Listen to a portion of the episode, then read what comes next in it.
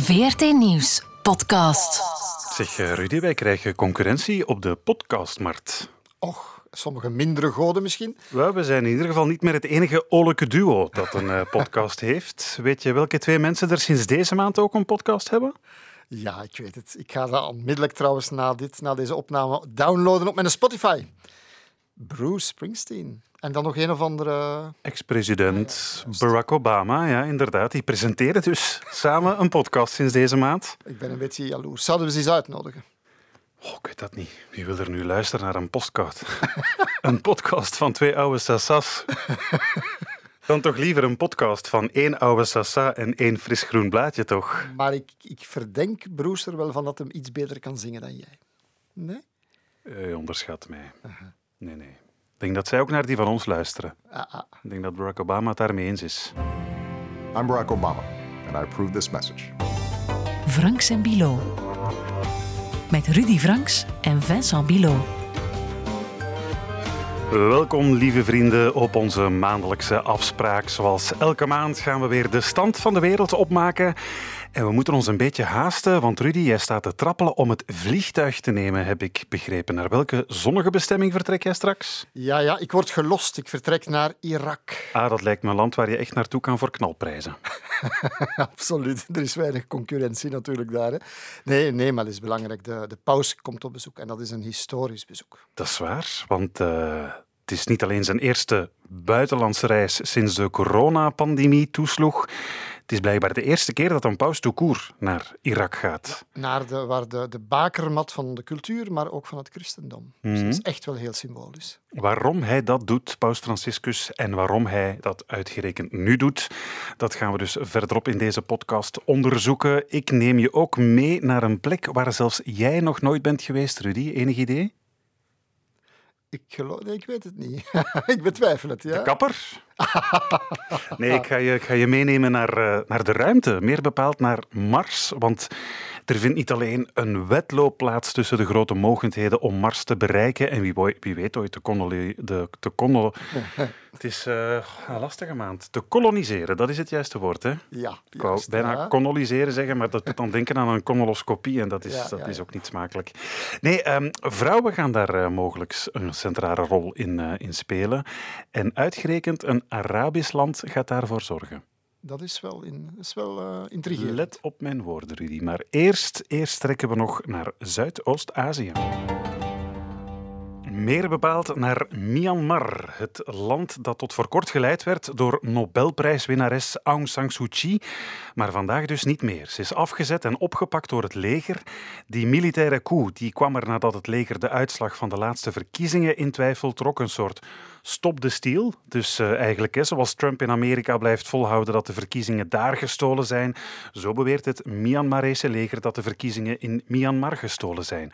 Uitgerekend door een vrouw die 30 jaar geleden dus nog de Nobelprijs voor de Vrede won en vijf jaar geleden een soort van democratie heeft proberen te installeren in Myanmar. Maar het eh, volk pikt die staatsgreep niet en komt massaal op straat.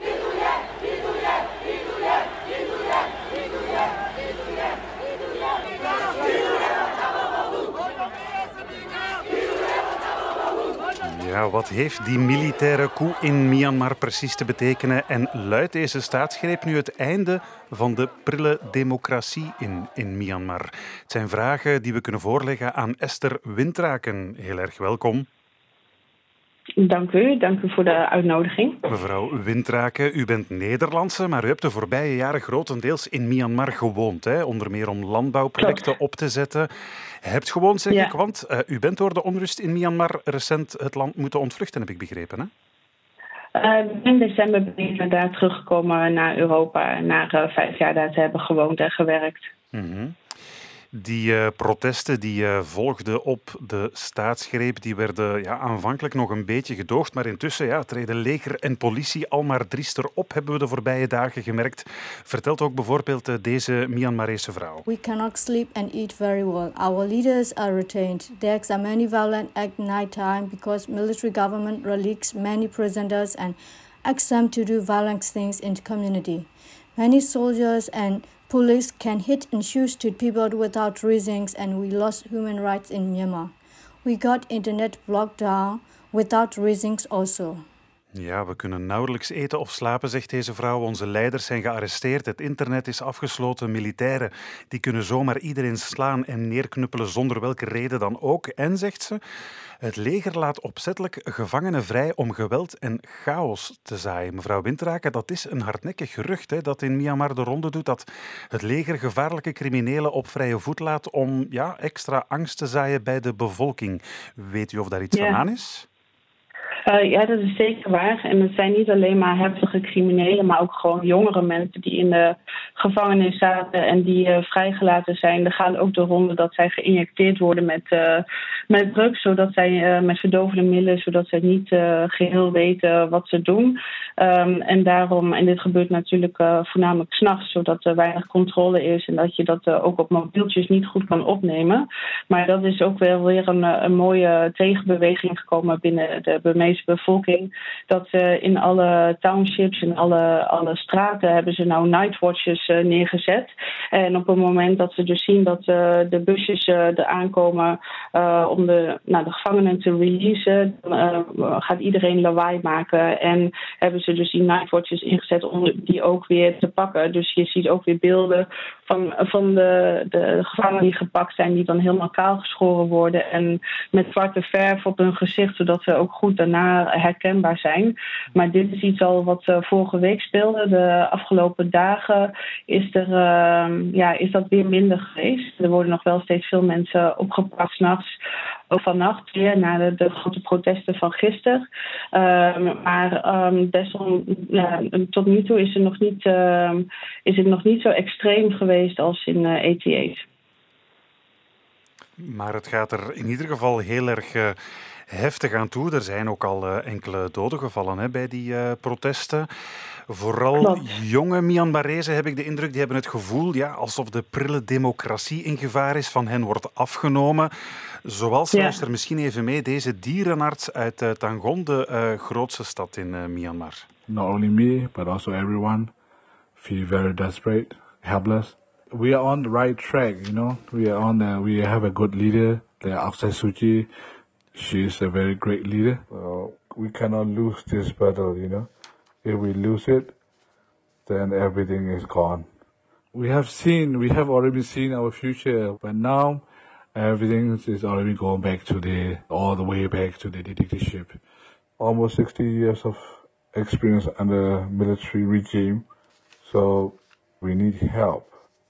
Please uh, save our country and also save our leader. And save our people. Ja, we waren op de goede weg. We hebben met uh, Aung San Suu Kyi een goede leider, maar we keren weer helemaal terug naar de militaire dictatuur van weleer, zegt deze dierenarts. We kunnen deze strijd niet verliezen. Uh, als dat gebeurt, dan is uh, alles weg. Nu, mevrouw, um, de protesten op dit moment zijn een reactie natuurlijk op die koe van het leger. Die koe van het leger is dan weer een reactie op de verkiezingen van afgelopen november. Voor een goed begrip uh, moeten we misschien eerst eens even terug naar die verkiezingen. Hè. Die zijn met een grote meerderheid gewonnen door de partij van uh, Aung San Suu Kyi, die vijf jaar geleden aan de macht kwam. Hè. Ze haalde 80% van de stemmen, ruim, ruim voldoende om een, een uh, regering te vormen. Maar het leger trekt dus die uitslag in twijfel. Hè. Heeft ze daar een gegronde reden voor eigenlijk? Is er sprake van fraude, van corruptie of van, van onregelmatigheden? Uh, nou, observer zijnde en ook wat ik natuurlijk uh, heb gehoord van de andere observers, um, hebben wij niet uh, dusdanige fraude kunnen um, waarnemen. En uh, is het ook niet ter oren gekomen, want wij hebben als long-term observers zowel twee weken voor de verkiezingen als een week daarna om te kijken hoe het eigenlijk is verlopen en met andere, met alle verschillende stakeholders gepraat. Natuurlijk hoor je hier en daar dat, uh, dat er wat mis is gegaan bij het plakken van enveloppen of dat er verschillende foto's niet geregistreerd waren, waren op de stemlijsten. Maar dit was um, voor iedereen even zwaar. Dus verschillende partijen uh, uh, hebben dit vermeld. Dus het is niet zo dat uh, het volledig gefraudeerd, of nou niet, volledig gefraudeerd is. Er waren wat um, situaties dat dat je dacht van ja, dat is niet helemaal juist verlopen. Maar om dan te roepen dat, het, een, dat de, de, verkiezingen gefraudeerd zijn, dat is een veel te heftig statement. In mijn optiek ook niet de juiste. Um, en dan daar moeten we ook nog bedenken dat dit de tweede keer zij is dat, of tweede, derde keer dat de democratische verkiezingen zijn gehouden. Um, democratie is een heel nieuw iets voor wel uh, de stemmers als voor degene, de Union Election Commission en de verschillende politieke partijen. En het was ook nog eens tijdens COVID-19 waar er uh, zoveel extra regelgeving ontwikkeld moest worden, ook voor advanced voting. En um, dat het sowieso al anders gebeurde dan de, de voorgaande verkiezingen. Dus er waren heel veel verschillende moeilijkheden die daar uh, speelden. Maar desondanks um, kan ik zeggen dat, uh, dat zij free and fair zijn verlopen. Ja, free and fair verlopen. U hebt ze gevolgd inderdaad als waarnemer, die verkiezingen. Maar ik lees wel dat er bijvoorbeeld anderhalf miljoen mensen niet hebben kunnen stemmen. Vooral etnische minderheden in Myanmar die de kans niet hebben gekregen om te stemmen. Dat is toch een probleem. Dat is zeker een probleem. Dan, uh, dan, dan gaan natuurlijk ook omtrent de Rohingya in de Rakhine State. Ook mensen die niet weten hoe ze zich uh, kunnen registreren. Um, ja, dat is zeker een probleem. Uh, maar ik zie dat ook iets in het proces van de democratie. Dat dat uh, langzaam maar zeker beter en beter wordt. Dus degene die hebben kunnen stemmen, dat is naar mijn inziens goed gebeurd. Dat niet iedereen heeft kunnen stemmen, is zeker een kwalijke zaak. Um, maar die zullen ook niet in favor of het military hebben gestemd. Uh, dus dat zou niet iets zijn wat uh, uh, de militairen aan zullen dragen als frauduleus. Dus die 80% voor Aung San Suu Kyi, u gelooft wel dat die ook echt allemaal uitgebracht zijn, die stemmen voor, voor haar? Uh, um, dat, dat durf ik natuurlijk nooit met 100% zekerheid te zeggen. Maar uh, als, uh, als we ook de reactie nu zien op de militaire coup, dan zijn de voornaamste stemmen zijn, naar de NLD gegaan. Mm -hmm. En de kleinere etnische partijen, die ook meer in de rurale gebieden zitten, die, zullen ook, die hebben ook um, wat stemmen um, gekregen. Maar binnen het verkiezingsstelsel van uh, Myanmar stem je eigenlijk voor vier verschillende kamers, waaronder de etnische uh, seat één onderdeel is. Dus ja. um, het uh, systeem is ook net wat anders. Ja.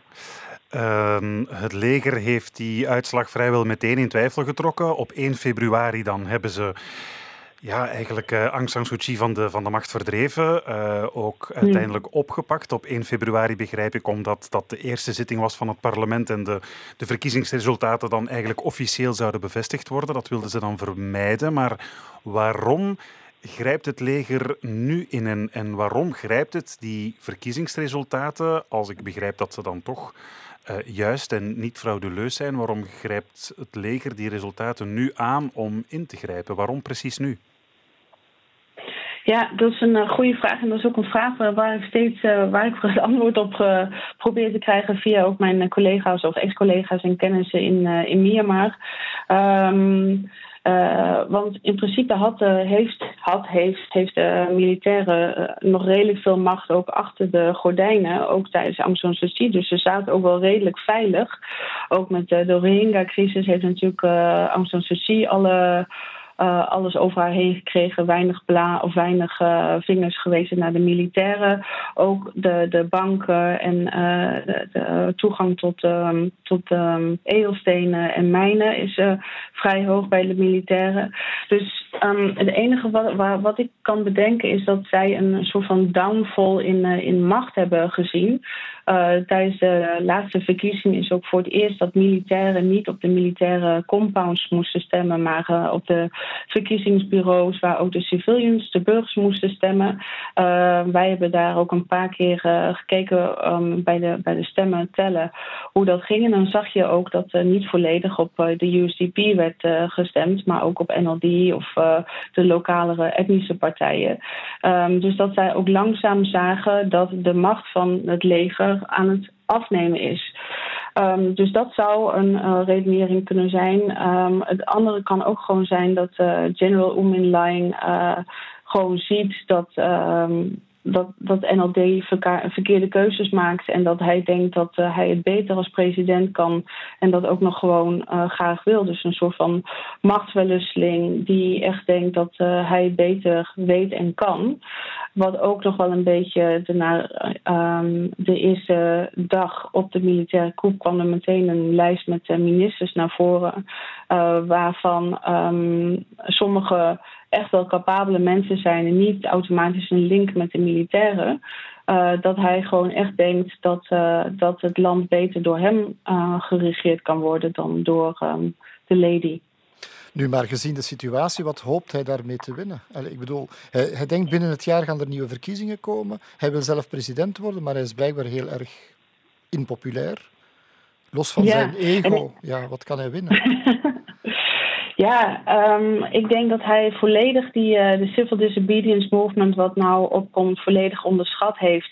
En, want het is natuurlijk vrij uh, peaceful verlopen, de militaire coup. Er is uh, geen geweld bij gebruikt. En ook de speeches die hij daarna heeft gehouden, wezen er toch een soort van op dat hij um, dacht dat hij hiermee zou weg kunnen komen. Maar ik denk dat hij volledig onderschat heeft. Die jongere generatie, de, de, ook de technologie en uh, de, de mensen die opgegroeid zijn nou met, met Facebook, internet.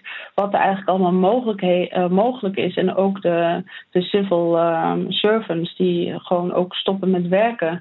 Dus ik denk dat hij dat onderschat heeft. En dat. Um, ik denk dat hij er gewoon dacht dat hij ermee weg zou komen. Dat het gewoon business as usual zou zijn na die koep. Maar ja. Leven de militairen uh, nog een beetje in een world that passed? Ik bedoel, een verleden tijd. Namelijk toen het leger alles te zeggen had, 50, 60 jaar lang.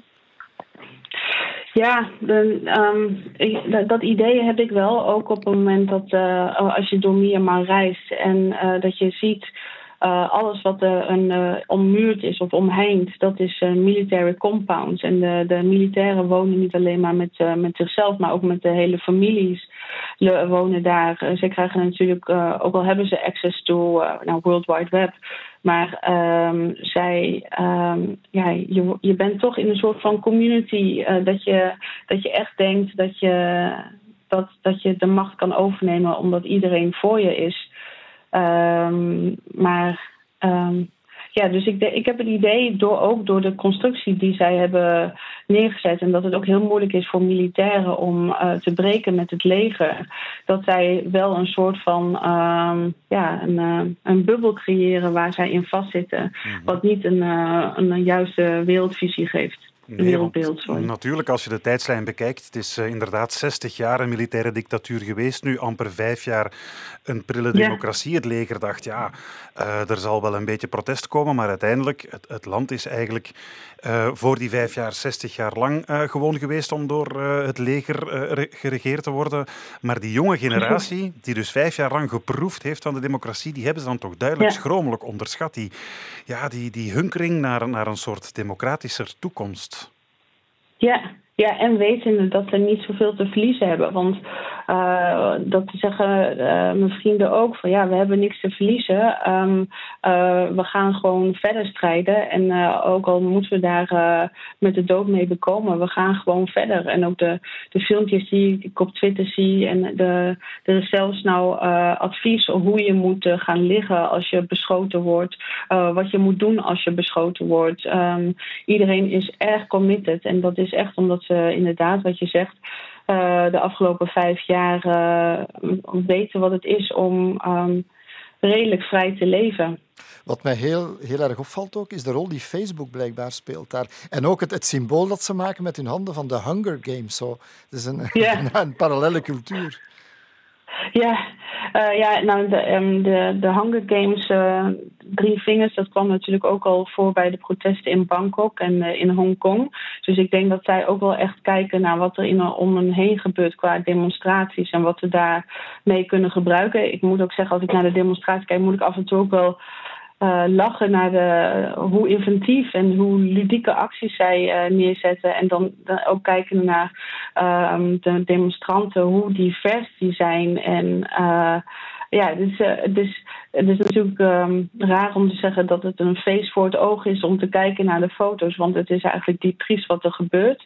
Maar het geeft ook wel weer de identiteit van de nieuwe Myanmar-persoon aan. Dat je, uh, dat je inventief en creatief bent. Want dat is natuurlijk in de tijden van de militairen. werd dat niet gestimuleerd om creatief en innovatief na te denken en out of the box. En om dat dan te zien hoe in zo'n demonstraties dat wel wordt gebruikt.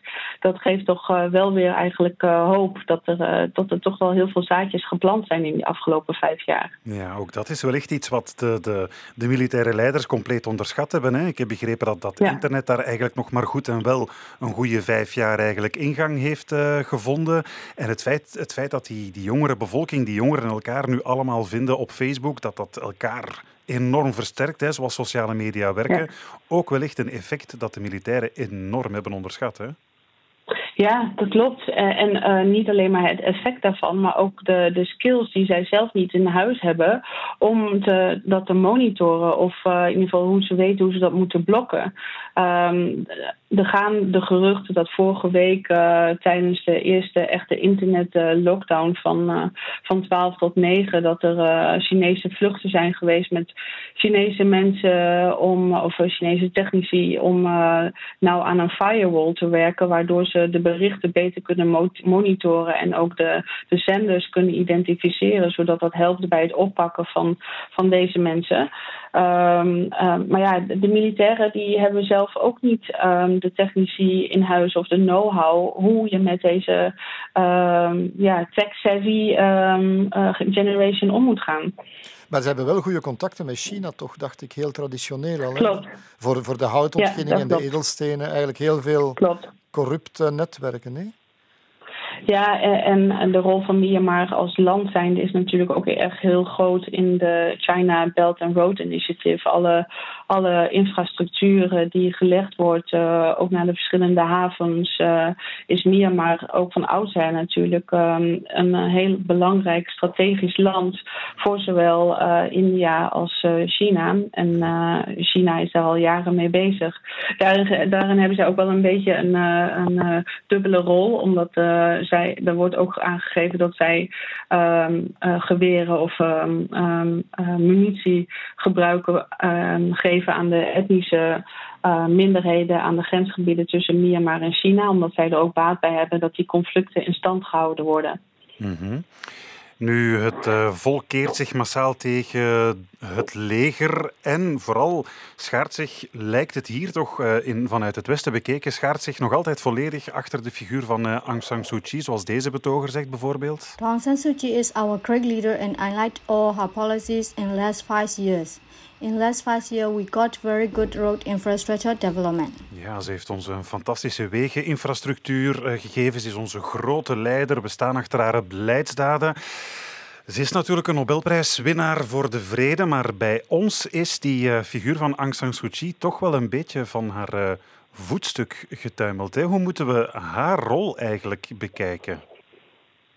Mm, ja, mm, de, dus ook uh, erg dubbel. Ook als je naar de demonstraties uh, kijkt op dit moment, um, zie je wel dat de voornaamste kleur rood is. En dat men ook uh, roept Our Lady, maar dat is niet de stem van alle uh, Burmezen. Dus voornamelijk de mensen die demonstreren zijn anti-military, niet automatisch pro-NLD. Alhoewel natuurlijk de algehele tendens is dat men wel um, ja, de lady hoog in het vaandel heeft staan. En dat uh, zij is natuurlijk de dochter van Aung San, de generaal die de Britten heeft uh, en de Japanners heeft verdreven uit Myanmar.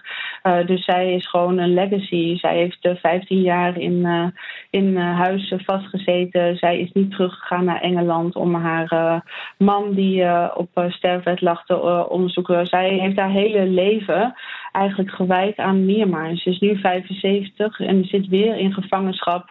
Um, ja, dus zij is gewoon in de, de ogen van veel mensen is zij een hero. Maar is, zij dan, um, en, maar is, zij dan niet voor, is dat dan niet geweten daar dat zij voor het strafhof in Den Haag is moeten verschijnen? Omwille van de verwijten van genocide tegen de Rohingya? Ja, maar dat heeft voornamelijk in het Westen heeft dat. Uh, uh, die vonden dat een, een, downfall van haar, dat ze van de troon viel. Of, van, ja. Maar in Myanmar werd dat echt gezien als fantastisch. Zij staat op voor ons volk. Um, zij gaat heen en verdedigt ons. Niet echt kritisch uiten of eigenlijk niet echt een, mening hebben over wat die genocide um, betekende. nu heeft men het allemaal over human rights, dat dat. Dat men uh, wordt afgenomen. Maar dat de, de mensen met wie ik ook sprak, uh, die, die hadden het eigenlijk niet over de genocide. En als ze het er al over hadden, dan waren ze het uh, niet voor of niet mee eens. Ja, dat gebeurde gewoon. En um, daar hadden ze lang niet zo'n duidelijke mening over. Dat is toch wel gek, dat gebeurde gewoon. Ja. Er zijn 900.000 Rohingya die, die de grens over moeten vluchten zijn. Er zijn er mensen, ja, vrouwen massaal ja. verkracht, dorpen verwoest. Ja, maar het is een bevolkingsgroep wat door heel veel Burmezen nog steeds niet geaccepteerd wordt als zijnde een, een bevolkingsgroep die daar eigenlijk al eeuwen woont en uh, die ook gewoon hun bestaansrecht daarin heeft. Maar het feit dat zij geen ID-kaart kunnen krijgen omdat zij niet erkend worden, uh, zegt al heel veel. En dat, dat um, ja, dat, dat is toch een andere schaal. Dat is, dan denk ik dat het meer gaat over wij boeddhisten, wij Bamaar, uh, maar niet zozeer uh, de ander. Dus daar, daarin is men toch wat minder. Um, dus zelfs die, vredelievende, zelfs die vredelievende Myanmarezen, die, die zo zachtmoedig lijken, hè, voor zover ik ze gezien heb, die, dat zijn eigenlijk etno-religieus nationalisten, zoiets dat... Ja, maar dat is wel een beetje gevaarlijk om te zeggen, omdat, omdat dat natuurlijk ook teruggaat naar het onderwijs. En het onderwijs is natuurlijk 60 jaar ook onder het militaire regime gevallen. Um, dat was natuurlijk ook heel eenzijdig en ook heel in, uh, indoctrinatief, indoctrinerend. Um, dus niet alleen maar wat je op school hoorde, maar ook wat, uh, wat mijn vrienden vertellen, wat hun ouders vertelden over uh, moslims, dan wel Rohingya's. Um, dus het is natuurlijk waar je, als je daar uh, je hele leven mee bent geconfronteerd, dat dat uh, of niet goed is of anders. En dat uh, boeddhisten of Pama of um, Myanmar mensen beter zijn, dan is het ook heel lastig om daar opeens een andere visie op te houden. -hmm. Misschien toch nog even in herinnering brengen. Hè. Twee jaar geleden moest uh, Aung San Suu Kyi uh, getuigen op het uh, internationaal gerechtshof in Den Haag over wat er gebeurde ja. met die Rohingya in dit land. En zij ja, weersprak dus dat dat een etnische zuivering zou zijn. Het is gewoon een ja, gewapend intern conflict, zei ze toen. Mr. President and members of the court, the applicant has brought a case based on the Genocide Convention. We are, however, dealing with an internal armed conflict started by coordinated and comprehensive attacks by the Arakan Rohingya Salvation Army. De mensen waarvan dus ook gezegd wordt, die Rohingya, dat ze niet eens hebben kunnen deelnemen aan de verkiezingen. Als ik het goed begrijp, worden die door eigenlijk quasi alle andere Myanmarezen gezien als een soort uh, ja, uh, volksvreemde uh, etnoculturele groep in het land? Uh, ja, zij, zij worden gezien als mensen die hier later zijn gekomen, of die, sorry, niet hier, die daar, daarin meer, maar later zijn gekomen uh, dan de, degene die daar uh, nu wonen. Um, en dat zij eigenlijk meer bij Bangladesh en India horen en niet bij Myanmar. Um, dat is iets waar wij in het Westen wel een beetje van opkijken natuurlijk, hè? Ja. Die mensen wonen daar natuurlijk wel. Ja die, ja, die wonen daar en ook al heel erg lang. Ja. Um, maar ja, als het onderwijs ook niet weergeeft wat de geschiedenis eigenlijk is geweest, um, dan is dat lastig om voor iemand die um, geen goed onderwijs heeft genoten, daar een andere mening over te houden. Het is, het is een beetje de, grootste, ik, de ja. grootste staatloze bevolkingsgroep ter wereld, hè? Nog, voor, nog voor de Koerden, als ik het goed heb, Rudy. Nee, de Koerden zijn ja. een groot volk, ja. maar die hebben, geen, die hebben zijn identiteit, die zijn Irakees of Syriër of zo. En de Rohingya worden blijkbaar als tot geen enkele staat behorend bekeken door de... Nee. Dat is toch wel Klopt. Raar. Ja, dat is echt heel triest. Ook, ook uh, ja, nu zitten ze voornamelijk uh, in uh, Bangladesh en worden ze weer verscheept naar een ander eiland waar ze eigenlijk geen toegang tot, tot niks hebben. Dus uh, ja, dat is een echte trieste, uitloze situatie. Maar zolang zij niet erkend worden in Myanmar of welk land dan ook, dan, dan is het heel lastig om hun ook land toe te kennen. Maar het maakt het allemaal wel een beetje schizofreen om op te komen voor de human Klopt. rights van de Myanmarezen, terwijl zij niet opkomen voor de human rights van hun eigen minderheden. Ja, dat klopt. Ja, daar ben ik het volledig mee eens. Dat is ook uh, de, ja, de, de tweespalt waar je denk ik als uh, international in zit als je daar, uh, daar werkt. Want aan de ene kant heb je, heb je te maken met. sorry, wat zei je? Ja, ja ik vroeg het mij af. Voelt u dat als u, als u in Myanmar bent, dat dat, ik zal niet zeggen gevoelig ligt, integendeel, dat, dat, dat mensen dat gewoon rechtuit zeggen en vinden dat die Rohingya geen plaats hebben in hun land? Um, ja, dat, uh, nou, dat voel je natuurlijk alleen als je het gesprek aangaat. En op een gegeven moment kies je er dan ook voor om dat gesprek er niet meer aan, uh, aan te gaan. Omdat je eigenlijk gewoon bang bent wat het antwoord van de ander zal zijn. Um, ja, dus een beetje een rekke vergelijking, maar het, uh, is een beetje met Sinterklaas in Nederland dat je het uh, gesprek niet aan wil gaan met de anderen over Sinterklaas, uh, omdat je bang bent dat die andere niet dezelfde normen en waarden deelt als jij. Bedoelt um, Zwarte dus, Piet. ja, ja. ja, um, dus, maar ook bij mijn uh, collega's uh, waren er uh, um, een paar die, die niet Burmees of niet boeddhistisch waren. Um, maar die, die hebben mij ook verhalen verteld over hoe zij gediscrimineerd werden en toegang gemeden werd bij onderwijs en medische instellingen. En dat als zij training gaven in, in de staten waar wij werkzaam waren, dat zij zich ook altijd profileerden profileerden als zijnde christen. Want als zij op een huidkleur zouden afgaan, uh, dat zij echt wel uh, een, niet zo makkelijk een training zouden kunnen geven. Misschien nog, nog één ding ook voor uh, hoe, hoe is er een weg terug eigenlijk? Moet, ze verwachten blijkbaar ook iets van de internationale gemeenschap, lijkt mij. Ze roepen op dat het Westen zou steunen. Moeten wij terug naar een boycott gaan, zoals, zoals een paar decennia geleden? Hè? Ik herinner mij de hele discussies over ja. Total die daar moesten wegblijven en, en al dat soort dingen. Ja, ik, ik denk uh, sancties op een het land als geheel, uh, die, die, uh, die werken niet. Want er moet wel gewoon er moet geïnvesteerd in blijven. Buitenlandse bedrijven brengen ook werkgelegenheid en ook uh, een toegang tot buiten. Wat Amerika heeft gedaan om de accounts te bevriezen van de generaals, dat, dat heurt natuurlijk een beetje. En dan, dan neem je ook concrete stappen naar de mensen die die koep hebben gerealiseerd.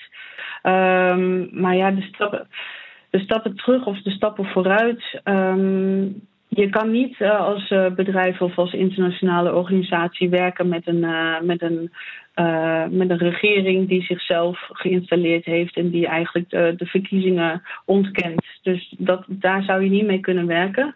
Um, er is onlangs is er naast die civil, disobedience movement is er een andere movement opgestapt. Um, en dat is de, de Committee of Representative of de, de huidige uh, de National Union, dus de, de hoge en lage huis.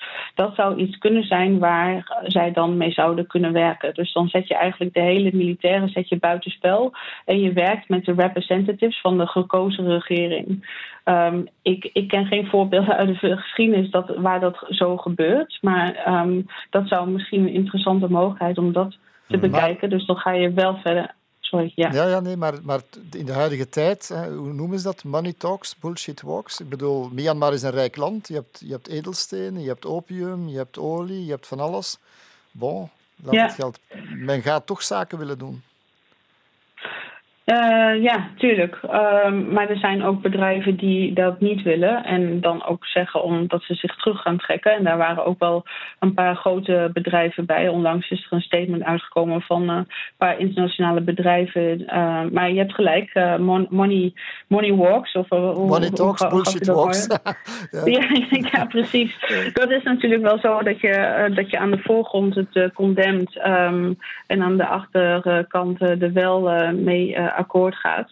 Um, ja, um, dat was hiervoor natuurlijk ook zo. Uh, dat, uh, dat er zaken werd gedaan met de uh, leger. Maar het helemaal niks ermee doen, dan zet je alles op slot. Waar je eventueel nog wel kan handelen en de dialoog aan kunnen gaan. Want zij kunnen op dit moment ook geen kant op.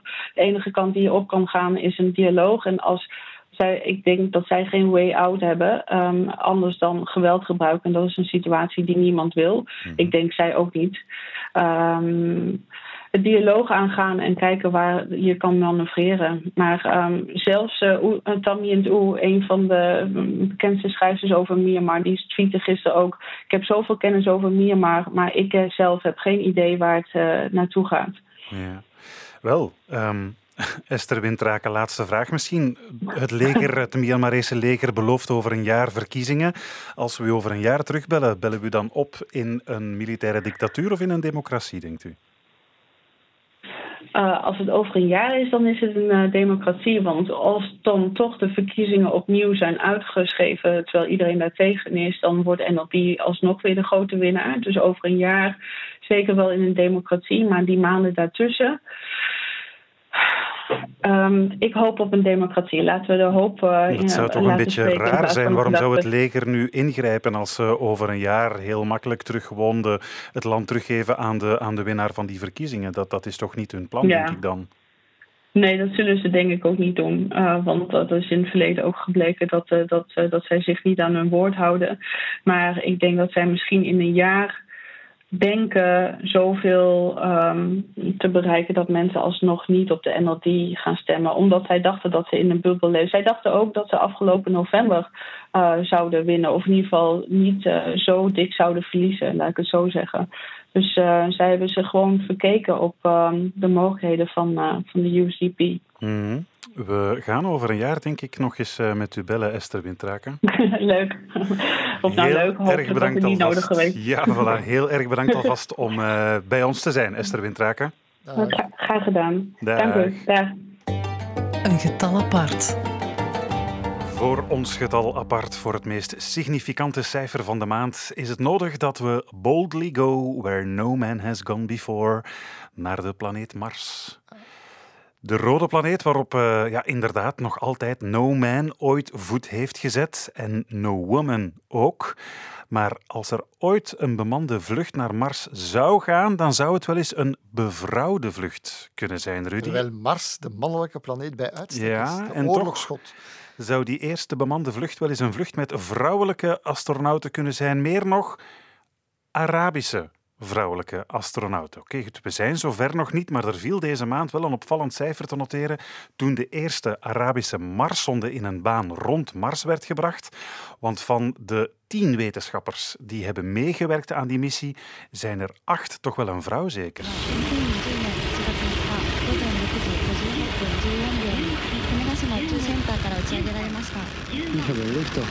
That is the sound of history. The sound of hope itself. With the UAE's mission to Mars. Voilà, de CNN-reporter die de lancering in der tijd van die eerste Arabische Marszonde becommentarieerde, die, die had het over hoop, hè, want zo heet de zonde die Amal. de Verenigde Arabische Emiraten hebben afgeschoten. Al Amal, ja. de hoop. Dat is uh, inmiddels zeven maanden geleden. Uh, intussen heeft die zonde dus 480 miljoen kilometer afgelegd. Ze draait nu in een baan rond Mars. En is dat niet hoopvol dat uitgerekend aan een Arabische Marsmissie meer vrouwen meewerken dan mannen. Dat is, dat, dat is toch opvallend. Dat is niet iets wat we volgens de statistieken zouden verwachten van nee, een nee, Arabisch absoluut, land. absoluut. Want het grote manco bij de Arabische wereld wordt al decennia gezegd, is dat de vrouw achtergesteld is en dus niet meedoet aan het creatieve proces van de samenleving. En dus ook niet qua onderwijs. Hoewel dat vaak ook een vooroordeel is dat over veel landen in het Midden-Oosten bij ons heerst. Maar wacht even, dat, dat is dus geen pure window dressing van de Verenigde Arabische Emiraten om te zeggen, kijk eens, wij hebben hier acht uh, vrouwen op deze Marsmissie zitten. Vrouwen die betekenen wel degelijk wel iets op het, gebak, op het, ge, op het vlak van uh, exacte wetenschappen. Ja, maar absoluut. Trouwens, überhaupt, het meer dan 90 procent is, is alfabeet. Heeft dus, ja, bij de vrouwen daar, ze hebben heel veel meisjes die gestudeerd hebben. Niet alleen exacte wetenschap, maar ook, in, maar ook andere. Maar, maar toch vooral, het is heel opmerkelijk dat ze vooral in de exacte wetenschappen de STEM, zoals dat heet dan, ja. technologie en, en wiskunde en zo. Ja. De stem, de stem. Al die dingen, dat ze daar heel veel, uh, meer dan 56 procent of zo, is, is uh, vrouw die dat uh, afstudeert. Dat, dat, dat identificeren wij niet met een, overigens in onze samenleving, met een vrouwelijk beroep, laten we dat alvast zeggen. Mm, Dat, dat, dat vooroordeel is er nu toch wel een beetje aan het uitgaan. maar het is, het is ik waar ben niet als traditioneel- jij, hè, dus ja. Ja, maar ik vind, ik vind, ik vind het straf. Ehm, ik, ik lees zelfs eh, dat eh 56% van de universitair afgestudeerden eh, in wetenschap technologie, dat dat vrouwen zijn. Dus meer eigenlijk dan mannen. Dat, dat is inderdaad bij ons hier niet het geval. Hè? Hier zijn Ja. nog altijd voornamelijk mannen. Hè, die Ja, hier is dat bij ons maar een 40 procent Ja, of zo, dacht ja. ik. Ja, dus dat is veel minder. Maar mag ik daar toch een kleine kanttekening bij maken? Ik heb het gevoel, misschien, en dat is mijn een beetje wantrouwige natuur daar, is dat ehm, de vrouwen in die richtingen veel kunnen als ze mogen studeren, dan veel terecht kunnen, omdat ze in de richtingen waar de echte hefbomen van de macht liggen, niet. Namelijk, de economische functies die gaan naar de mannen, want dat gaat over money. Het Ah. controleren van de, van de economie, van waar het om draait in de Emiraten. En ook sociaal-politiek zijn ze tegelijkertijd ook heel conservatief daar nog. Dus ze willen meer naar openheid en zich als hervormer voordoen. Maar dus de, de meer eh, politieke wetenschappen, de meer maatschappelijke richtingen, in tegenstelling tot bij ons, hè, waar daar, de meisjes vaak in Mhm. de meerderheid zijn, zijn ze daar niet aanwezig. Ik hoop dat ik mij vergis. Maar, Maar het zou wel denk je dat dat een, een bewuste strategie is? Om dat, om Ik denk dat makkelijker is. sturen? Maar ik kan me inbeelden dat een, dat een, eh, een oude Dubai sheikh zegt van tegen zijn dochter, ja, ga jij maar studeren, dat mag, studeer maar iets, zoiets, maar niet iets dat eh, het systeem, het patriarchaal systeem ondergraaft. Hè. Ik hoop dat ik mij vergis, maar het zou wel in die richting kunnen wijzen. Mag ik u trouwens een verhaal vertellen? Als we het dan over die meisjes hebben. Zijn er nu toch? Ja, in plaats van acht zou ik het, het cijfer twee willen zeggen. Ehm, het is onlangs de voorbije maand in, de, in het nieuws vaak geweest. Hè. De dochter van de, de sheikh van eh, Dubai, een van de Emiraten, hè, Mhm. zit al jarenlang opgesloten thuis, omdat ze hè, onder druk van de conservatieve vader. Een van zijn echtgenotes, zijn zesde trouwens, die is gevlucht naar Engeland, omdat ze eigenlijk in een vorm van mishandeling en in ko- thuis leven, een soort van gouden kooi. Dus God ja, ze kunnen misschien wel studeren, maar tegelijkertijd de basis van het patriarchale systeem is nog niet weg. Het is nog altijd de man die daar beslist eh, over huwelijk of niet, over onderwijs of niet, over weggaan of niet. Ja, dus we mogen toch een beetje kritisch blijven. Oké, kritisch blijven, maar toch, ik blijf nog even in, eh, in de regio. Nog iets wat contra-intuïtief aanvoelt, is dat ook in Iran blijkbaar heel veel eh, vrouwen studeren. Veel meer dan, dan, eh, dan gemiddeld in die, in die regio. Hoe Dat kan ik alleen maar bevestigen. Ik heb de universiteiten van Teheran bezocht en de meeste afgestudeerden daar waren meisjes. Op een bepaald moment zijn de meisjes, dat is, is al twintig jaar geleden begonnen of zo, velen ook meer gaan mogen studeren. Hebben zich ook veel meer misschien geëngageerd en ingezet, omdat dit voor hen de manier was om zich te ontvoogden.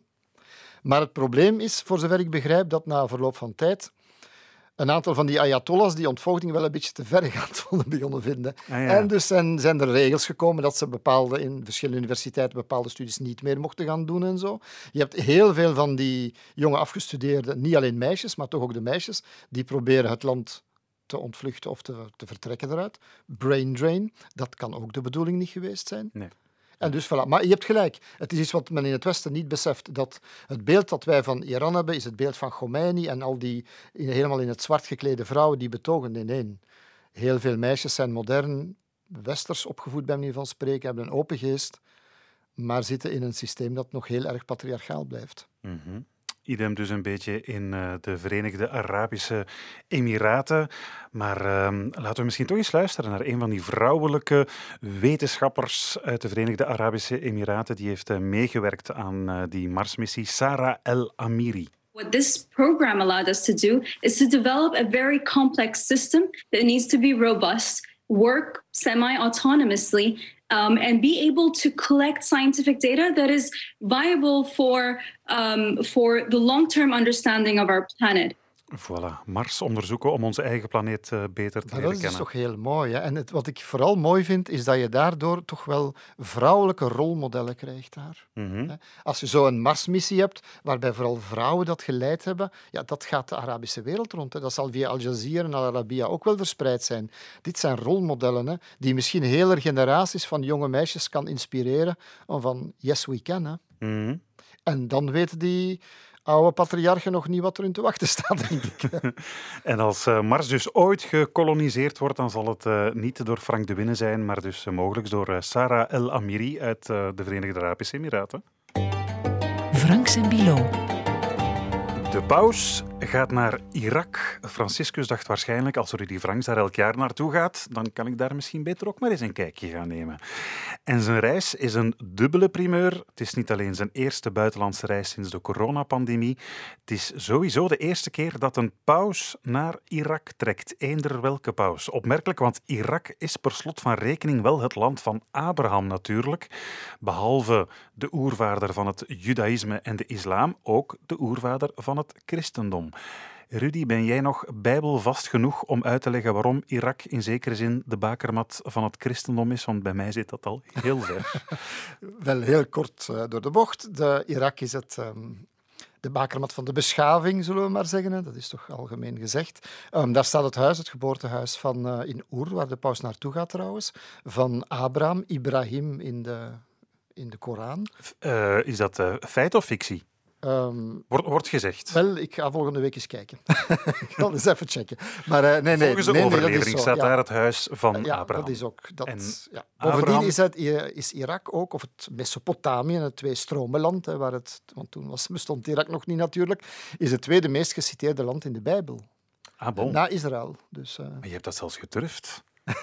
Zo bijbelvast, Rudy. ja, ja, ja, maar er is weinig concurrentie. Hè. Je, hebt, je hebt Israël, je hebt Irak en dan een, een beetje waar Paulus geweest is. Dat was naar Ja, Rome, hè, maar ja. dat is niet alles. Maar dus die, eh, die Abraham, voor alle duidelijkheid, volgens de christenen, is, ehm, is dat zo'n beetje de, de, de eerste profeet of de eerste mens aan wie God heeft gevraagd om het monotheïsme uit te gaan ja, preken. maar hè? ik zou het een aartsvader noemen. Want we spreken nog 2000 jaar voor eh, Christus, zoiets? Ja, ja, ja. Ja, ja, absoluut. Ja. Dus, ja. Ik ben En terug dus een beetje mee. Hij is de grondlegger, zeg maar. Hè. Dat is de stamvader. bij Ja, want spreken. tegelijkertijd is die Abraham dan voor de moslims eh, Ibrahim ook een soort profeet die zij dan claimen. Ja. ja, maar voor de moslims heb je, is ook eh, Isa, onze Jezus, is ook een profeet. Hè.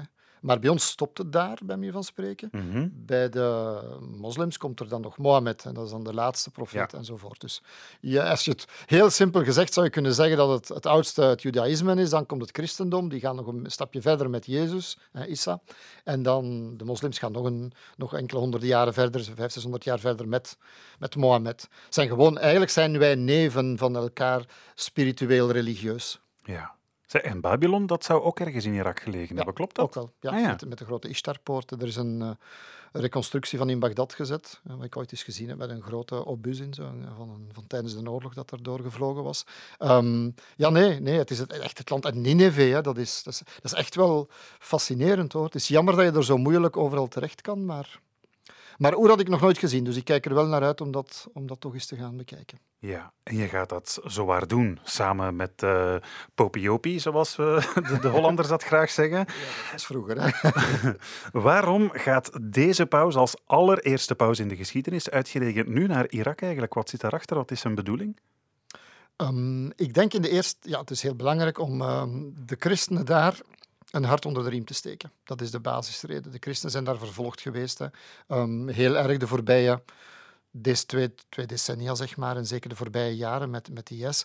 Maar ook omwille van de ecumene. Hè. Als je zegt van Oer, en daar gaat hij bidden trouwens, de tweede dag van zijn bezoek, is van de, de verschillende monotheïstische godsdiensten. Zowel het jodendom, het, eh, het christendom als de islam. Als je daar gemeenschappelijk gaat bidden, dan propageer je de vrede tussen de verschillende religies. Moet ik dat een beetje zien zoals Jeruzalem? Ehm, ja, Waar nee. ook verschillende religies op een of andere manier... Ja, dat is waar. Maar ik denk dat nu te gaan bidden in Oer heeft geen politieke moeilijke connectie. Dat is in Jeruzalem wel op dit ogenblik. Ja, Terwijl. Oer kan je zeggen, dit is een verbindenis, een verbindenis die je gaat aangaan tussen moslims, christenen eh, en we moeten praten met elkaar. In een tijd dat er een heel groot, en dat is toch iets dat de paus nou aan het hart ligt, denk ik, eh, grote polarisering is tussen de verschillende religies van ons tegen de moslims en omgekeerd. Om daar te gaan samen bidden, dat denk ik is een... eh, is wel een heel belangrijk signaal. Overigens niet vergeten, wat ook zeker daarin past, is, hij dat, is dat hij ook als eerste trouwens de groot ayatollah van de Shiiten, dus hoger dan de ayatollahs van Iran, de absolute, de paus zeg maar van de Shiïtische moslims, die gaat hij ontmoeten in Najaf. Wie is dat eigenlijk? Hoe heet hij? Um, Al-Sistani. Ook een, nog ouder dan, dan onze paus Is, trouwens. is het hè. raar dat ik daar nog nooit van gehoord heb van die man? Eh, ja, misschien wel. ja, ik, ik, maar ik nou wel natuurlijk. Al-Sistani heeft een heel belangrijke rol gespeeld in al die oorlogen in Irak ook. Hè. Hij heeft zich niet gemengd in de invasie van de Amerikanen, maar toen IS oprukte tot Bagdad en verder, heeft Al-Sistani opgeroepen aan al de gelovige Shiiten. En dat was het keerpunt van die oorlog tegen die, dat extremisme, opgeroepen om de wapens op te nemen en zich met hand en tand te verdedigen. Dus Al-Sistani is een spirituele leider die heel veel Shiiten in de wereld, en dat gaat dan toch over vele ettelijke tientallen miljoenen, achter zich kan scharen. Maar geen oproerkraaier, zeg maar. Hè. Ja. Gematigd. De paus gaat daar samen mee praten. Dat is ook een unicum. Eh, Mhm. Dat is een, ver- een verzoeningsgebaar tussen die beiden. Ja. En je moet, hij gaat dat doen in Najaf. Najaf is de hoofdstad of de oorspronkelijke stad van het Shia-islam. Daar, daar gaan wie een gelovige Shia die sterft in een oorlog of eender waar, die de, laten we zeggen dat er de droom van de familie is dat hij in Najaf, dat is het, het grootste kerkhof dat ik ooit gezien heb, je kan er met, de, met, over- met auto's doorrijden. Het grootste kerkhof dat ik ooit gezien heb ter wereld, hè, waar al die gelovige moslims zo dicht mogelijk bij Ali, de grondlegger van het Shia-geloof, Mhm. gaat liggen. Ja. Dat is het Rome, het echte Rome, ons Rome, gaat praten in Najaf, Het, Vaticaan van hun. Ja. En dat is in, de, in, in deze wereld van polarisering en in, de, in het Midden-Oosten is dit een, een zeer groot symbolische daad. Een eh, boodschap van verzoening, dus vooral. Ik denk het wel. Ja, Ik denk het wel. Nu, jij kent Irak als de binnenkant van je broekzak natuurlijk, eh, Rudy. Hoe is het op dit moment gesteld met eh, de christenen in, eh, in Irak? Ja, dat is een, een, een verhaal. Hè, dat, dat het eigenlijk met, met, sinds de val van het regime van Saddam eigenlijk, en eigenlijk al tien jaar tevoren met die boycott en het embargo en de armoede en de ellende beginnen achteruit gaan is. Nu, oorspronkelijk hadden ze in, in Irak anderhalf miljoen. Zo. Ja, de cijfers waren niet erg, erg juist. Maar ehm, dat is dan gezakt tot 300.000, 400.000. hè. Dus in al die tijd is het Twee derde weg dus. ja, eigenlijk. twee derde zeker is weg. En is telkens met nieuwe schokken hè, dat het verdwijnt. Eerst met de ellende onder het embargo hè, tussen de Eerste en de Tweede Golfoorlog. Daarna, na de val van Saddam, zijn er zware aanslagen geweest van Al-Qaeda in Irak, die eh, kerken heeft aangevallen, die eh, ja, moordpartijen tegen de christenen geviseerd, omdat hij ze, ze verdacht werden dan door de extremisten dat ze met het Westen heulden. Als een soort van kruisvaarders ter Mhm. plekke. Ja. En dan met die IS is het de definitieve klap geweest natuurlijk. Hè. Ja, maar mag ik zeggen dat na de val van Saddam, de, de inval of de komst, zal ik eh, het nog even neutraal uitdrukken, van de Amerikanen voor dusdanige religieuze conflicten eh, heeft gezorgd dat, dat vooral de christenen daar eh, het, het slachtoffer zijn geworden van islamitische terreur? Mag ik het, mag ik het Ja, ook andere minderheden, zoals de Jezidi. Hè, Ja. soort van, maar toch vooral als grootste groep hebben zeker, zeer zeker de christenen daarvan te lijden gehad. Mhm. Je moet misschien een naam die je nog kent. Zo jong was je toen nou ook weer niet. Tariq Aziz. De Ja. minister van Buitenlandse Zaken Ja. van Saddam. Ja. Die bij de paus op bezoek ging om, te, om een oorlog af te wenden in 1991. Hè, toen nog. Mhm. Dat was een christen. Ah. Dus in het regime van Saddam werd dan een christen minister om te tonen van kijk, jullie zijn beschermd en gewaarborgd. Dus op die manier waren zij een minderheid in een staat die zich niet religieus bekende. Irak Ja. was een seculiere staat. En bij gevolg, toen dat verdween, kwam er een, een, een, een vat, een explosief vat van religieuze spanningen boven. En de christenen als minderheid zijn daar het kind van de rekening geworden. En zijn beginnen vertrekken, massaal. Ja. Zo, zo, zodra ze konden, zijn ze vertrokken. Ja. Met dus inderdaad als, eh, als eh, voornaamste eh, probleem heel veel aanslagen van toen nog eh, Al-Qaeda-. En ehm, ik geloof dat het in 2011 was, Rudy, dat jij eh, sprak met een, een priester die toen al, ik denk 47 jaar of zo, een kerk leidde in Irak, een christelijke kerk dus. Maar daar bleef na een aanslag in 2011 eh, niet veel meer van over. Laten we eens even luisteren naar priester van Vossel. De enige dat uit die vroegere kerken nog overgebleven is. Dus die Christus die was hier gevestigd bij het altaar. Maar eh, je ziet, eh, er schiet niet veel niet meer van over. Hij is ook Stuk- zijn benen kwijt. En... Ja, ja. Ziet jij een einde aan het christendom komen in Irak? Die hier nog blijven zijn ofwel mensen die van geen oud pijlen kunnen maken, ik bedoel de zeer armen, ofwel idealisten, maar geen eh, gewone mannen meer. Het is een soort kanker. En vooral na die aanslag op die Syrische kerk, eh, plots hebben ze maar één gedachte meer, het is weg. Mogen we zeggen dat uh, na die uh, golf van aanslagen uh, na de val van Assam er een soort exodus van christenen uit Irak is gebeurd? Ja, dat is in versneld tempo geweest. Ik heb toen Pater van Vossel bezocht. Ik heb hem trouwens, ik had hem eigenlijk al twintig jaar eerder bezocht bij mijn allereerste bezoek aan Irak. Die, die man is daar al heel lang in een kerk. In, hij was toen trouwens aan het gitaar aan het spelen. Hij zong in de mis, een soort van de zingende pater. Zo. Ja, dus we hebben niet alleen een zingende non, maar ook een zingende pater. Ja, nee, maar een, een, man die dus echt tussen het volk stond en daar ook gebleven is en er nu nog is. Dus ik ga hem stokoud als hij nu is, heb ik er een afspraak mee om hem terug gaan op te zoeken. Ja, maar die, die moet daar nu al meer dan 50 jaar rondlopen. Ja. Eh. Nu, die aanslag toen in die kerk, dat is eigenlijk bijna een, een, mirakel geweest dat hij zelf niet gedood was. Hij nam mij mee naar die kerk, uh, niet zo lang daarna. Um, daar is, uh, op een bepaald moment was hij te laat voor de mis. Zijn collega priester was de mis al begonnen, omdat hij nog een telefoon had af te handelen. En de deur was dicht. De, de, de deuren waren gebarricadeerd van de kerk, want uh, de terroristen van Al-Qaeda waren binnen en zijn begonnen met, na, na korte tijd, een groot deel van de gelovigen en de priesters af te slachten die er binnen waren. Dus hij, hij kon mij tonen hoe waanzinnig het was en hoe in de sacristie nog de bloedvlekken waren en zo. En dan nam hij mij daarna mee om over de christenen te praten naar zijn geloofsgemeenschap, de christenen in die wijken, want die zaten in wijken bij elkaar. Hoe ze daar, om de trauma's te verwerken van degenen die het overleefd hadden, um, tekeningen maakte, zoals bij psychiatrie in, uh, men schilderijen maakt om de, de waanzinbeelden die je hebt. En een van die mooiste schilderingen vond ik van die waanzin van die slachtpartij die door een van zijn gelovigen gemaakt was, heb ik van hem meegekregen. Dat hangt aan, aan de muren. Dus, dat is iets wat ik, telkens als ik het zie, dan, dan, dan denk ik terug aan dat lot van die christenen en wat die waanzin van die terreur tegen hen daar gedaan heeft. Mm Al-Qaeda alleen heeft er dus al voor gezorgd dat uh, ja, bijna twee derde van de christenen in Irak op de vlucht zijn geslaan. En toen moest IS nog komen. Ja, en IS is het verhaal van het noorden, want je kan zeggen Bagdad, daar waren ze kwetsbaarder. Maar in het noorden van Irak, als je ziet, Irak heeft twee grote polen waar veel christenen zaten. De meeste zaten nog in het noorden. Mosul, Ninive, de vlakte van Ninive, een christelijke vlakte met een stad die bijna de christelijke hoofdstad van de regio is, is Karakosh, waar ze met een paar honderdduizenden nog woonden.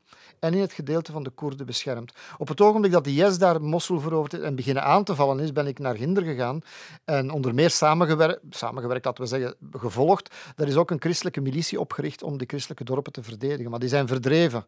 Die zijn blijven vechten, maar zijn verdreven. En dan zag je vanuit de heuvels, uh, boven de frontlinie, zag je in de diepte hoe bijvoorbeeld ja, kerken werden in, in brand gestoken, werden opgeblazen. En de christenen die moesten allemaal vluchten en die logeerden in het Koerdische gebied, in Erbil en zo. Um, rond, overal in kleine tentjes, in, in, uh, in van die containers werden ze allemaal bij elkaar met tienduizenden, honderdduizenden, hokten ze bij elkaar in het noorden in, in de bescherming van de Koerden, in de hoop dat ze terug konden keren. Sommigen zijn teruggekeerd, maar ook een belangrijk deel daarvan is vandaar, via luchtbrug, is naar Europa gegaan, is naar Canada gegaan, is naar Australië vertrokken. Dus het christendom heeft alweer een nieuwe, zware klap toen gekregen. Mm En je wou ook graag nog uh, een uh, gesprek uh, laten horen dat je toen had, hè, want je bent met een aantal bisschoppen naar daar getrokken met uh, een van de hulpbisschoppen van, uh, van Mechelen. Hè? Ja, juist. Kunnen we ons voorstellen wat zich daar moet afspelen in IS-gebied? Ik denk van niet, nee. nee. Ik denk dat wij ons dat toch niet goed realiseren. Hoeveel duizenden mensen, jonge mensen, meisjes, vrouwen, alle handen. We gaan daar echt uh, vermalen worden. Hè. Ja, ze hebben de dood gezien, ja. Dat was eigenlijk heel pakkend, want we zijn toen met eh, ook de huidige kardinaal, de Kezel, die mm -hmm. toen bischop was, was er toen bij met drie. Ik heb die mannen een, een kogelvrije vest aan moeten trekken. Dat was de eerste keer in hun leven. Want ze, de, ze, de entourage die van ter plekke die was des doods, die wilde niet dat we dat deden, maar ze, ja, bon, ik kon ze overtuigen, of laten we zeggen dat ze erin geloofden. En ik had ze meegenomen achter de frontlinie van de Koerden, een paar kilometers in de bergen, was er een klooster dat eigenlijk stand had gehouden. Van boven konden ze daar beneden zien waar het de waanzin plaatsvond. Om hen daar mee naar boven te pakken, naar die paar monniken die daar nog zaten. Om dan te kunnen, te kunnen horen en zien wat oorlog en extremisme echt veroorzaakt had. Dat was een heel pakkend moment en ik denk dat voor hen, ik denk dat de huidige kardinaal de Kezel daar ook nog wel vaak aan terugdenkt. -hmm.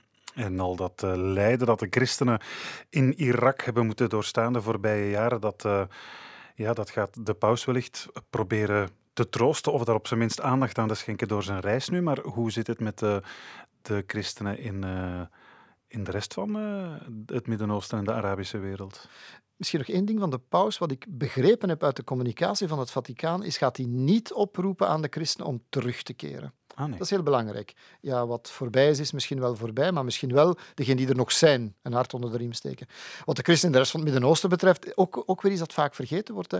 Een groot percentage van de, misschien 10% van de Palestijnen, dus waar Christus vandaan, Jezus vandaan komt, mhm. is ook christelijk. Men denkt vaak dat is allemaal dat zijn moslims, zoals Arafat. Nee, nee. Ah, ja. Een deel ervan, belangrijke Palestijnse leiders trouwens ook, waren christenen.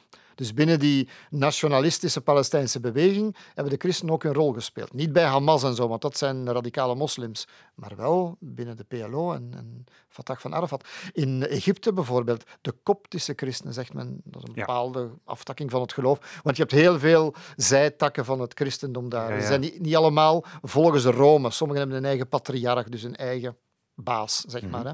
Ehm, de koptische christenen um, 10% van de bevolking, zegt men soms, heeft het momenteel, stel het onder de militaire dictatuur van al-Sisi behoorlijk goed. Dat zie je ook vaak. De christenen in Syrië bijvoorbeeld ook trouwens. Hè. Dat je christenen daar hebt die, uh, waar een seculier regime, dus dat zich niet op geloof baseert, net zoals dat van Saddam Hussein in Irak, eigenlijk de christenen een bepaalde gereserveerde plaats toekent en beschermt tot op zekere hoogte. Zolang ze maar de macht niet aantasten of zich gaan politiek mengen want tegen al de anderen in. Dat is dan een trouw deel van de bevolking.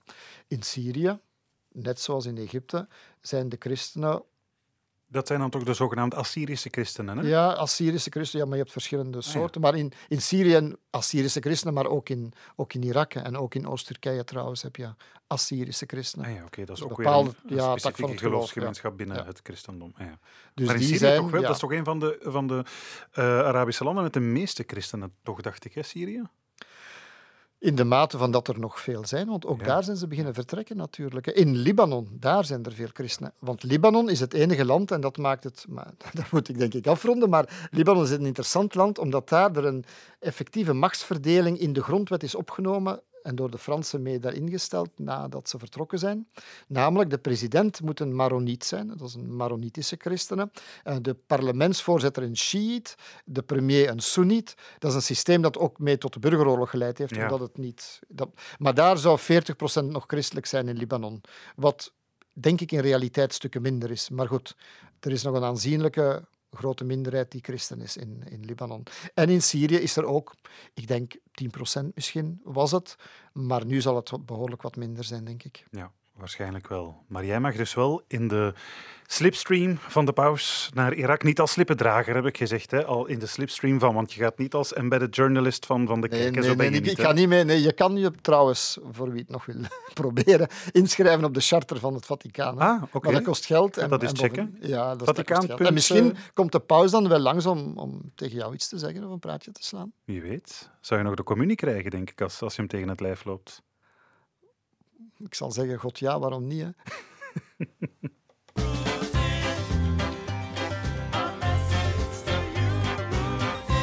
Ik ben niet de enige die onbetamelijke vragen mag stellen aan eh, Rudy Franks. Dat kunnen jullie ook. Gewoon door ze door te mailen naar het eh, welbekende mailadres vb.vrt.be. En met een beetje geluk leg ik jouw vraag zelfs eh, gewoon voor aan Rudy Franks. En deze maand, beste Rudy, is er dat eentje van Yves die ehm, ook met spanning heeft uh, gekeken naar de wedloop naar Mars, zoals wij allemaal, hè, want dat waren we nog vergeten te zeggen.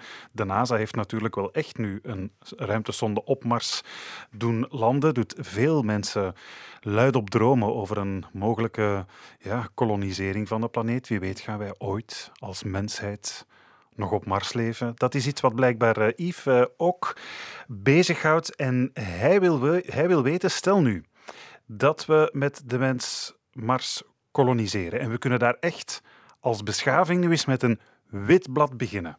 Jij als wereldexpert, beste Rudy, wat zou de basis moeten zijn, het uitgangspunt om daar een nieuwe beschaving op een goede manier te laten werken? Hoeveel podcasts kunnen we nu nog En- starten? en nu jij. Maar je moet toch gewoon beginnen met all, all, all men and women are, are equal. Gewoon het, het, het, het verdrag van de universele rechten van de mens. Dat, zou wel een goed begin minst, zijn. Maar ik zou er nog iets bij aan toevoegen. Ik zou respect voor natuur en omgeving er ook nog bij voegen, want dat vergeten we vaak, wat toch leidt tot grote Ik calamiteiten. denk dat dat al lang om zeep is op Mars. Daar is ja, niet veel ja, natuur maar meer. toch, wat we daar opbouwen, Ja. hè, er zal toch iets moeten opgebouwd worden dat leefbaar is voor de mens. Maar als we het- hier hadden kunnen herschrijven, of als we het hier zouden kunnen herschrijven, dat verdrag, is dat wel iets wat erin zou moeten staan, denk ik. Volgens mij wel, ja. Ik denk dat we dat schromelijk vergeten. Ja. Dus, dus dat, is het, dat is de basis van alles. En respect voor de andere, voor ongeacht kleur, religie, gender, what- whatsoever. Dat. Vind ik een goede start. En dat, is nog, dat is toch maar de eerste regel. Hè? We hebben nog... eh, Twee, eh, respect voor de natuur, de omgeving, het klimaat. Respect voor alles wat leeft. Ik zou er misschien een beetje Indiaanse filosofie dan ook nog bij steken. Hupla. En laten we dan nog wat boeddhisme bijgooien. Dat is namelijk dan eh, geweldloosheid. Bon. Ja, Dat is toch al veel, hè, Vincent? Allee. Om een beetje in de geest van de podcast te blijven, dat lijkt me een mooie ecumenische gedachte. Een beetje van, van alle godsdiensten wat bij elkaar geraapt, iedereen gelukkig. Ja, ja, misschien kunnen we dat op de druivelaar zetten nu. Oh, dat zou nog iets zijn eigenlijk, als we dat nu zouden doen, zo, eh, met, eh, hoe heet het, Eh, een bond zonder naam. Ja, zoiets. Maar bon, Yves, het is een, een heel alomvattende vraag, maar ik denk, alles is al geschreven en voorzien. Hè. Ik moet, moet alleen leren toepassen. Ja. Maar het is een mooie denkoefening. Hè? Stel dat we nu eens gewoon Ja, opnieuw absoluut. zouden kunnen beginnen met de beschaving en eens een paar nieuwe basisregels uitdenken. En dan moeten we dan ook niet met zoveel miljard daar naartoe gaan. Dan wordt het al een moeilijke keuze wie mag gaan. Misschien moet ik de vraag terugkaatsen naar, naar Yves. Ja. Wie mag gaan naar Mars dan? Ah, kijk, een vraag voor jou, Yves, om te beantwoorden in onze volgende podcast. Kijk, we hebben nu al iets om naar uit te kijken. Kijk zeker ook eens op onze Facebookgroep Franks en Bilo, want daar kan je je ongezouten, maar ongetwijfeld felgepeperde mening over deze show kwijt. Je kan meepraten over de actualiteit, zelf onderwerpen aandragen. Dat kan ook. Het zou niet de eerste keer zijn dat een van jullie ons op een interessant idee brengt voor een van onze onderwerpen in de volgende podcast. En vind je het goed, of ook als je het fout vindt, geef ons een review in de podcast-app. Dat helpt dan ook de andere luisteraars om ons, Franks en Bilo, niet eh, Springsteen en Obama. Trouwens, wie is er eerst, Obama of Springsteen? In de, in de naam van de, po- de, de podcast heet blijkbaar ehm, Renegades Born in the USA. Vind ik een hele luie titel trouwens. Als je Springsteen Ja. bent, dat je dan Born in the USA als, als podcasttitel gebruikt. Ja, dus beter Dan Franks, zijn wij toch een pak Ja, origineler, ja. en ons mailadres, dat is nog origineler. vb.vrt.be, daar kun je terecht met opmerkingen, eh, verbeteringen misschien, maar dus zeker ook messages to Rudy. En dan, ja, enkele mensen die er nog zeker moeten bedankt worden. Hè. Voor Myanmar Esther Wintraken, die, die een heel fijn gesprek is, dat eh, mij ook verrast heeft. Maar ook aan Carlien Truijens, een ex-nomade, die ons sterk geholpen heeft voor de contacten over Myanmar. Voilà, de research die werd verzorgd door Goran Verluiten, Lupna Kalkali en Sela van Dromme. De eindredactie, Rudy, was alweer in de voorbeeldige handen van... Good old Vincent Merks, die, al, die nog een maand gaat wachten voor hij naar de kapper gaat, heb ik begrepen. Tegen volgende podcast dus. Het is goed dat er deze keer geen livestream mee loopt, want het is hoog tijd dat Vincent nog eens naar de kapper gaat. Ik trouwens ook. ik, dat was eh Vincent Bilot en jij was... eh, Rudy Franks. Voilà. En ik eh, denk dat wij elkaar volgende maand opnieuw zien. Dank u wel allemaal. Dit was een podcast van VRT Nieuws. Je vindt er meer op de podcastpagina van vrtnieuws.be of via de podcast-app op je smartphone.